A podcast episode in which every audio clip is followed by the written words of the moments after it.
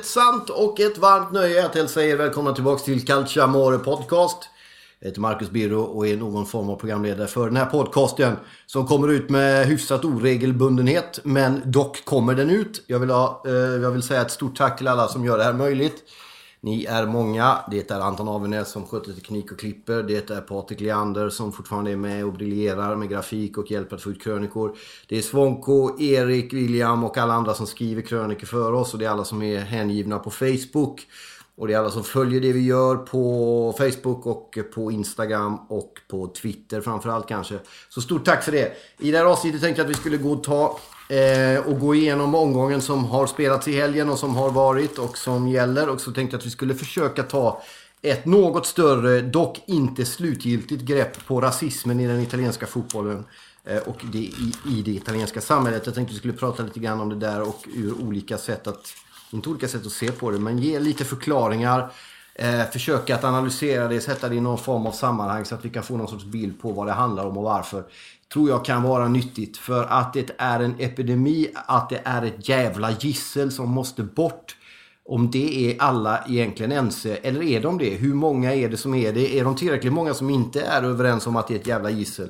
Är det därför det kan fortgå? Vilken typ av historisk förankring har den här skiten och varför ser det ut som det gör? Tänkte att vi skulle ta och eh, prata lite grann om. Men vi börjar ju som vi brukar göra genom att grotta ner oss i det som har varit, i det som har spelats, i det som har skett och det som sker. Vi har ju framförallt spännande matcher som väntar Champions League i veckan. Det kanske har bara dundrat igång redan när det här publiceras. Vi har matcher på kvällen, Atalanta-Empoli när det här bandas. Viktig match för Atalanta att hänga med i det så kallade racet om Europaplatserna. Och den grejen tog även Roma då, som efter många sorger, bedrövelser och ösregn över den eviga stan lyckades kriga sig till ett 1-0 mot Udinese en viktig match. Och där tycker jag vi kan börja prata om Robin Olsen som får klä skott för det mesta när det gäller eh, det som har gått dåligt i Roma.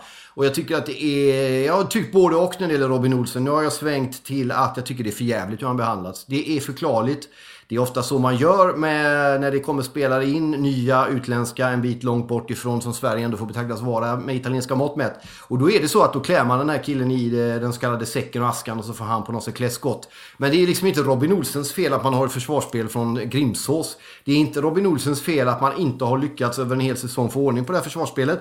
Vare sig med att man inte har köpt in nya backar och det är liksom, eller att man har ändrat spelsystem som gör att det kan underlätta för Robin Olsson att stå i mål. Det är inte Robin Olsens fel att han har Juan Jesus och eh, Fazio framför sig.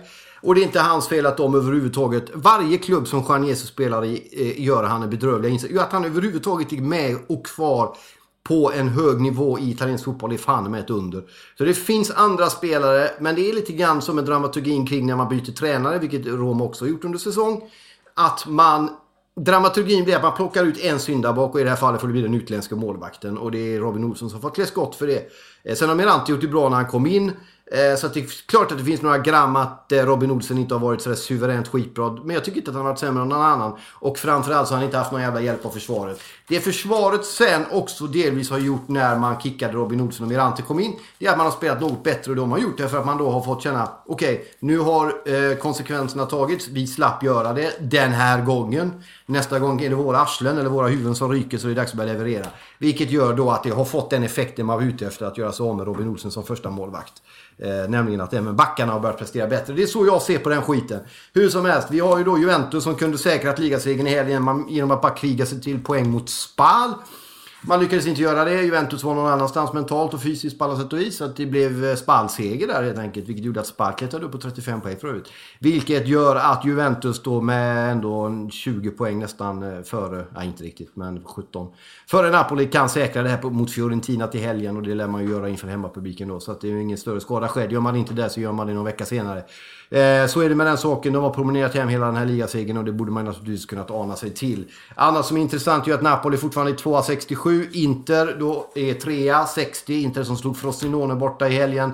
1-3. Milan har 55 poäng. Sen har vi då Roma på 54. Atalanta 52 när det här bandas för den har ju en match mindre spelad. Sen har vi även Torino, så har vi Lazio, Sampdoria som vann eh, Derby della Lanterna mot Genoa.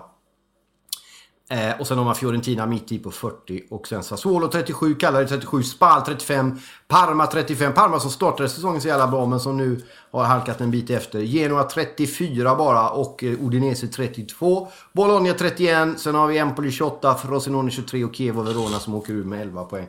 Så ser det alltså ut inför den här grejen då va. Eh, och det är ju då Europamatcher som väntas och lite sånt där. Men låt oss ta ett grepp om eh, fotbollsrasismen om vi kan kalla det det. Att, att, att bara snacka om, eh, vad ska man säga? Fotbollsrasism i Italien är ju eh, märkligt. Alltså så här är det ju. Italien är ju ett samhälle och ett land. eh, som ofta jämförs med Sverige. Eh, eller rättare sagt så här, att när vi i Sverige vill förstå ett land som Italien så lägger vi liksom våra egna, eh, vår egen historia, vårt eget sätt att vara, vårt sätt, ah, vår historia och eh, mycket av det som varit. Och så lägger vi det på ena sidan och sen så lägger vi ett land som Italien på andra. Och så tittar vi och så tänker vi, fan vad konstiga de är som gör så här och så här och så här. Jag tror att man måste, för att förstå Italien som land, och nu pratar vi inte om rasism överhuvudtaget, för det, det, det finns liksom inga sätt att, att begripa sig på eller att försöka förstå. Det är inte det jag är ute efter. Jag återkommer till det. Det är inte det jag är ute och pratar om just nu. Utan det jag pratar om nu, det är att ska man förstå ett land som Italien så måste man jämföra det med sig själv eller med grannländerna. Så det är det man får göra. Man kan inte dra paralleller till Sverige för det är två fullständigt olika sätt att, att vara nationer på. Jag har pratat om det tidigare och jag tycker det är värt att nämna igen. Italien är granne med ett, eh, forna Jugoslavien som splittrades på 90-talet under brutala former eh, groteska former slogs sönder och samman i olika mindre nationer. Eh, alla vet förhoppningsvis i, har lärt sig om vad som hände där och varför det hände. Där Italien påminner mycket mer om det forna Jugoslavien med starka landsändar, starka regioner, starka städer med en otrolig dynamik för att använda ett milt uttryck men också ett, ett hat, eh, en spänning, inom landet. Det finns en, om man nu ska använda ordet då, främlingsfientlighet, det är väl märkligt, men alltså att man det finns en uppdelning mellan nord och syd. Den vet väldigt många om. Många norditalienska lag kör ju mycket på att de luktar smuts och sopor i Neapel. Och sen försöker då eh, syditalienarna eh, liksom säga att det är ni jävla skor oss. Det är vi som bygger eran rikedom och ni bara snor pengarna ifrån oss era jävlar och sånt där. Den schismen finns. Den håller sig ibland, ofta på en hyfsad nivå. Ibland faller det igenom. Men när det gäller fotbollsmässigt så håller den sig ibland på en eh, nivå som... Vi kan ta ett, ett konkret exempel. Det är när eh, eh Verona-fansen åker till Napoli och eh, visar upp en banderoll där det står eh, Snälla Vesuvio kom och gör ett utbrott eller något sånt där. Och när Napoli åker till Verona så har de med sig Julia, en hora. Det är den nivån det är på. Det kan man tycka vad man vill om. Alltså Romeo och Julia utspelades ju i Verona. Så nu. Det där tycker jag är subtil supporterkultur. I någon mening. Eh, men sen när det gäller... Det finns i Italien en... Och det har att göra med att man är en svag stat. Det är en svag stat. Det finns en skeptisk mot överhet. Det finns en skeptisk eh, inställning mot det mesta som har med vad andra ska styra och ställa över en. Vi kan ta konkreta exempel där med när eh, det var lag på att man skulle ha trafik, eller sån här, eh, vad heter det? Eh, eh, bilbälten så trycktes det i Neapel av alla städer tröjor där det såg ut som om man hade bilbälten och så lurade man fartkameror och andra som inte kom allt för nära och kunde se att det var. Eh, fast egentligen är det en bra idé att ha bilbälte. Det är det som är grejen. Det är ingen som lurar på dig bilbälte för att vara elak utan för att det kan rädda ditt liv om du krockar. Va? Men det, ingen jävel ska komma och tala om för mig. Den här delen av det italienska kynnet kan jag uppskatta i någon mening. Det finns i delar av Sverige med att ingen jävel ska komma och tala om för oss. Men den är väldigt, väldigt stark i Italien. Den är väldigt stark i syd mot norr men den är också stark mellan regioner i syd, mellan regioner i norr och åt, åt alla möjliga olika håll ni kan tänka er i det här landet som är liksom som en kittel av spänningar och friktioner och som ett åskoväder som bara drar in över den här halvön. Så det kan vara värt att komma ihåg att det finns en positiv grej i att det är så här. Det som är problemet med en svag stat det är att människor alltid kommer behöva det som en stark stat kan tillgodose medborgarna. Som trygghet, eh, rättsväsende, att polisen kommer när man, när man ringer. Eh, att inte det är samma jävla brottslingar som får göra samma sak om och om och om igen. Och allt det där har under lång tid urholkats i Italien. Det har blivit bättre och det har blivit sämre. Det har blivit bättre och blivit sämre. Det pendlar fram och tillbaks. Men det går lite grann i vågor. Ehm, men vad det då skapar i ett land som Italien med en svag stat, det är att man söker sig till andra typer av, vad ska vi säga, substitut för staten, det vill säga maffian helt enkelt. Maffian kommer in där staten inte räcker till och i ett land där staten inte har räckt till någonstans har maffian blivit stark. För att motverka en maffia krävs en stark stat. Ehm, ett starkt omutbart polisväsende Eh, ett stark eh, rättsskipning även högre upp från poliser upp mot domstolar och, och, och jurister och domare och sånt där. Ett konkret, konkret, exempel är domare Falcone som kämpade mot maffian. Sov i olika eh, hus varenda natt, hade polisbevakning, smugglades mellan fram och tillbaks och maffian tänkte vi måste få dö på den här jäveln. Hur ska vi göra? Jo, vi bränner av vi spränger 400 meter motorväg på Sicilien och till slut fick de stopp på honom, eh, Falcone en stor, stor hjälte i Italien för sin heroiska kamp mot maffian. För att förstå maffian så måste man inte bara ha sett Gudfadern och, och, och eh, Al Pacino i diverse filmer. Utan man måste också se vad är det som ett, ett land och en stat inte kan tillgodose sina medborgare? Var någonstans träder maffian in? Den träder in där staten inte räcker till. En stark stat eliminerar inte riskerna till maffia. Men den minskar åtminstone behovet av den. Vi brukar säga att Sverige är ett land utan mutor och utan, och det där är ju skitprat eftersom det är en jävla självbild vi har i Sverige att vi är världens bästa land på alla sätt och vis. Men det, det, det finns naturligtvis en sanning i det att det är mycket mindre korruption i Sverige. Och det har att göra med vad då? Jo, att det är en stark stat som till oftast under åren har kunnat tillgodose medborgarna. Det medborgarna behövt och man har till och med kunnat tjäna, säga att fan vi ska dra in mycket skattepengar. För medborgarna har sett att de pengarna som har kommit in har gått till medborgarna. Alltså en sorts solidarisk rundgång på ekonomin. Det tror jag är en viktig anledning till att Italien ser ut som det gör. Och det är också en anledning till att det är så svårt att bedöma eh, eh, eller att jämföra rättare sagt Italien eh, med, eh, med Sverige som land. När det gäller rasismen så finns det i Italien en höger... Alltså det politiska klimatet i Italien är ju mycket mer polariserat än i Sverige. I Sverige säger vi upp bekantskapen om någon röstar på ett annat parti än vad vi gör. Och vi, vi anser att vissa människor är värda mer än andra och andra är, är dumma i huvudet för att de inte förstår bättre.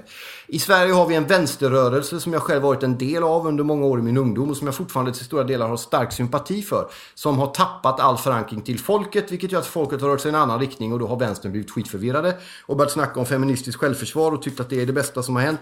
Och sen har man avlägsnat sig från vanligt folk och så eh, sitter det en välmående medelklass i Stockholms innerstad och talar om för fattiga människor att de är dumma i huvudet för att de tycker som de gör och sådär. Vi har en väldigt dålig, låg nivå på den politiska diskussionen i Sverige. Försöker man att föra en diskussion med människor som man inte delar uppfattning med så blir man kategoriserad på ett sätt och sen så vill folk inte umgås med en. Och så får man en stämpel och så ska man ut. Alla ska tycka ungefär samma. Du får tycka olika så länge du tycker som de som säger att du får tycka olika. Ni vet allt det där. Eh, I Italien är det inte på det sättet. Det är mycket högre i tak. Du kan diskutera saker. Du umgås med människor som inte som tycker som du. Egentligen av den enda anledningen att de inte tycker som du. Det finns dock, och det ska man naturligtvis inte... Det finns en otroligt stark vänster, PCI heter det, PCI på förr, jag vet inte vad de heter nu, bokstavskombination. Men en solidarisk vänster som är väldigt stark. Det finns också en höger som är väldigt stark och som är otroligt stark just nu i Italien i regerande bärande ställning. Och en del av de grejerna som kommer fram där är direkt motbjudande om du frågar mig. Jag tycker att deras syn på människor som kommer över Medelhavet är vedervärdig. Det är begripligt att Italien inte kan ta emot alla, men eftersom, de ligger, eftersom landet ligger där det ligger så borde man naturligtvis ta hand om de människorna som kommer på ett annat sätt. Men det där är en stor, lång, invecklad politisk diskussion som det är lätt att sitta, du vet, 400 mil norrut och ta den diskussionen och sitta och muttra. Och Sverige har varit jävligt bra på att ta diskussioner i Italien och vara väldigt moraliserande mot andra länder och säga så här tycker vi i Sverige. Och då säger de i Italien, men vi har de här, de här, de här utmaningarna. Vad fan vet ni om det? Och där någonstans har diskussionen tagit slut. Däremot så finns det en, en, en politisk strömning åt det fascistoida hållet i Italien som det talas alldeles för lite om i Italien. Det finns en hyllning av fortfarande av Berlus, eller Berlusconi, är ju inte fascist, han är ändå en gammal Milanägare, han har gjort sina klaverstamp. Men någon fascist är han ju trots allt inte, även om en del vänstermänniskor tror jag skulle hålla med och tycka, säga det. Men jag tänkte på Mussolini den här gången.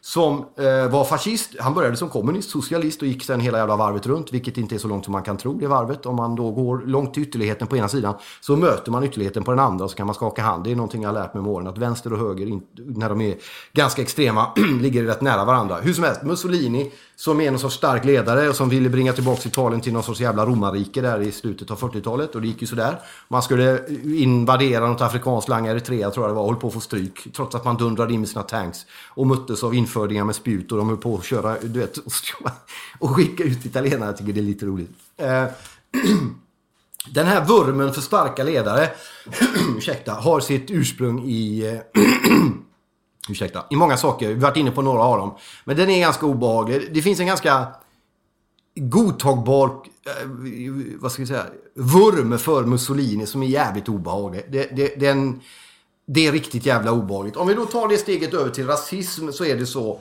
att rasismen, sättet, alltså att uttrycka sig rasistiskt ligger närmare eh, hos fler i Italien än vad det gör i, i många delar av, av resten av världen. Och den skiten måste vi få bort. Att färgade spelare blir utbuade och under en och en halv timme får höra apljud från läktarna är fullständigt jävla vedervärdigt och förkastligt. Och som en som älskar italiensk fotboll blir jag så vansinnigt jävla trött på den skiten. För jag trodde någonstans att de, den starka varma blicken som italiensk fotboll har från resten av världen skulle få supportrarna, också med det flöde, för det har italiensk fotboll blivit bättre på. Att man har öppnat flöden mot andra delar av världen, andra delar av Europa, man har andra typer av spelare.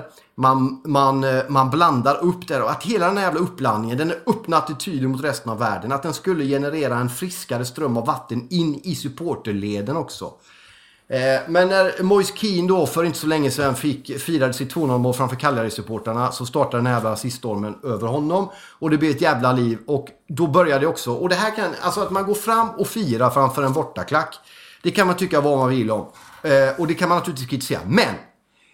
Ingen människa ska behöva stå ut med att få den typen av reaktioner som han fick från Cagliari-klacken. Det är det här som är, och, och det här som italienarna missar. Att, ja, som Bonucci också var ute och sa, även om han säger att han blir felciterad och fel missuppfattad. Att ja, men man ska inte ställa sig där. Han får ställa sig vad fan han vill. Sen kan man tycka vad man vill om det. Men att människor är så nära till hands att börja ropa rasistiska grejer. Det är den skiten som måste bort. Och då handlar det inte om att man ska få bort supportrar från arenorna eller vissa grupper av fans. Utan det här är ta mig fan en anständighetsfråga. Gå in och punktmarkera de jävlarna som beter sig så här. Fråga varför de gör det. Prata med dem. Berätta för dem hur det upplevs för de här spelarna. Säg att det är totalt jävla förkastligt. Få dem också att inse en sak. Säger, ropar du apljud efter en människa så är du rasist. Jag tror också att det är lite grann eh, som Mauro Valeri som, som bevakar rasismen i, inom italiensk fotboll som säger att inte ens de antirasistiska organisationerna har varit intresserade av problemet. För i Italien är det allvarligare att förolämpa mammor än att förolämpa, förolämpa färgade spelare till exempel. Han säger så här också, det här tror jag är en nyckel. Man tror att man kan gå till en arena och göra apljud i en och en halv timme och sen gå hem och fortfarande tro att man inte är rasist.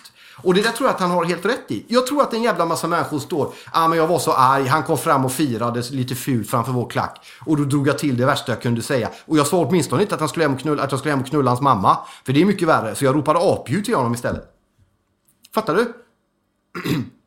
Och det är här som jag tror att Sverige och svensk del möjligen kan gå in och faktiskt vara eh, till förtjänst. Och tala om att Står du och ropar apljud mot en människa så har du degraderat dig själv till rasist. Punkt slut. Det är liksom inte... Det är som att köra rattfull och säga ja, jag var rattfull men, men jag var packad när jag körde, du vet. Men jag körde ju bra där och jag körde ju inte på någon och jag hade ju blinkers när jag svängde. Och jag tror inte jag är alkoholist utan för jag dricker inte återställare. Jag, punkt slut. Dricker du när du kör bil och kör du bil och dricker är du ett fyllo. Punkt slut. Står du och ropar apljud mot någon när du blir arg så är du rasist. Därför att då ligger det så nära dig till hands att du beter dig på det jävla sättet. Och det är naturligtvis inte okej. Okay. Eh, det är så som jag har resonerat och som jag har tänkt. Eh, eh, Kristina Kapelin är inne på något liknande i, slutet, i början av det här året. Hon skrev en krönika i Aftonbladet om, eh, om det här att det finns, det finns regler mot rasism i italiensk fotboll. Men det är ingen som tar dem på allvar. Det är ingen domare som vågar ta i det. Eh, nu senast var det, som hon hänvisade till några vecka innan där i början av året var det ju Koulibaly i eh, Napoli mot Inter. som eh, blev eh, förbannad och som reagerade. Eh, enligt Capellin, hon skriver så här. Domarna vågar inte tillämpa de här reglerna eftersom många starka intressen talar emot ett sådant beslut. En avblåst match där den skyldiga klubben automatiskt förlorar är ett kännbart straff. Etik och grundläggande mänskliga värden är som bortblåsta på ett ögonblick. Eh, pliktskyldiga ursäkter kommer alltid för sent och till och med regeringspolitiker slätar över. Och hon har en poäng här. Det borde naturligtvis vara så att samhället och fotbollen och regelverket hårdare straffar den här typen av vidrigheter och inte klumpar ihop den med andra typer av vidrigheter. inte typer av andra bengaler eller andra support utan att det här är ett det här är ta fan det värsta du kan göra. Det här är bland det värsta du kan göra. Det här är bland det vidrigaste du kan utsätta en annan människa för. Det är rasistiska påhopp. Det måste italiensk fotboll och Italien bli mycket, mycket starkare. Och straffet måste eh, göras eh, värre för de som beter sig på det här jävla sättet. Och då... Och som vanligt i Italien så tar allting en fruktansvärd tid. Maurizio Sarri, tidigare Napoli-tränare, numera i Chelsea är också inne på den här linjen och tycker att Italien bör göra mer för att motverka rasism på fotbollsläktarna enligt Sky Sports. Och det här är också efter att Napoli-backen Koulibaly blev eh, utsatt under en match på juldagarna. Han säger så här. När jag var tränare i Italien stoppades två matcher på grund av rasism. Eh, jag är ledsen för eh, Koulibaly. Han är en underbar man och vi i Italien måste göra mer åt det här problemet. Och det har han rätt i. Och han får ju då en annan blick på det. Därför att han har varit i England en tid nu. Och då får han en annan blick på sitt gamla hemland. Eh, det som hände med Inter. Två hemmamatcher inför tomma läckare full av skandaler. Det räcker inte. Måste straffas hårdare. Måste bli mer. Det måste bli värre. Det kan inte vara så att man beter sig på det sättet och det ska liksom falla undan, falla till föga. Och det ska kännas som att det här är liksom en, en, en sorts svordom bland andra. Eh, så att så är det. Eh, och jag blir så jävla upprörd över det här och jag blir det för att jag älskar Italien och italiensk fotboll. Men jag är, det är en kärlek som inte är blind. Jag har eh, mitt italienska ursprung, mitt italienska medborgarskap. Jag lever nära det här. Eh, jag vägrar att blunda för den här typen av problem. Jag vill dock inte nyansera den bilden, men jag vill berätta vilket typ av land Italien är. Italien är i mångt och mycket ett fantastiskt, solidariskt, varmt, inkluderande och kännande land. Det är också ett land som är hälften så stort som Sverige, där det ryms 60 miljoner invånare. Eh, och det är ett land med stora, stora utmaningar och de här utmaningarna har genererat en del eh, märkliga saker i det politiska. Men om vi bara ser det på fotbollen så måste italiensk fotboll bli mycket bättre på att ta itu med den här typen av problem. Att inte släta över rasistiska slagord, glåpord från läktarna. Att inte klumpa ihop det med ungefär att ah, men jag knullar din mamma eller ropa apljud är samma sak rasistiska påhopp mot människor är alltid mycket värre än allting annat du kan ropa och säga. Och du måste straffas hårdare utifrån det. Så vi får bort den skiten en gång för alla i den italienska fotbollen. Punkt slut. Stort tack för att ni har lyssnat. Tack igen till Betfair. Tack till Anton Avenäs. Tack till eh, Patrik Leander och alla ni andra som är med och skriver och gör det här möjligt. Eh, tack för uppmärksamheten. Nu ska jag dricka lite vatten och rensa halsen. Och så hoppas vi på en, eh, en bra vecka och ha en fin påskhelg. Så hörs vi strax igen. Ta hand om er. Arrivederci.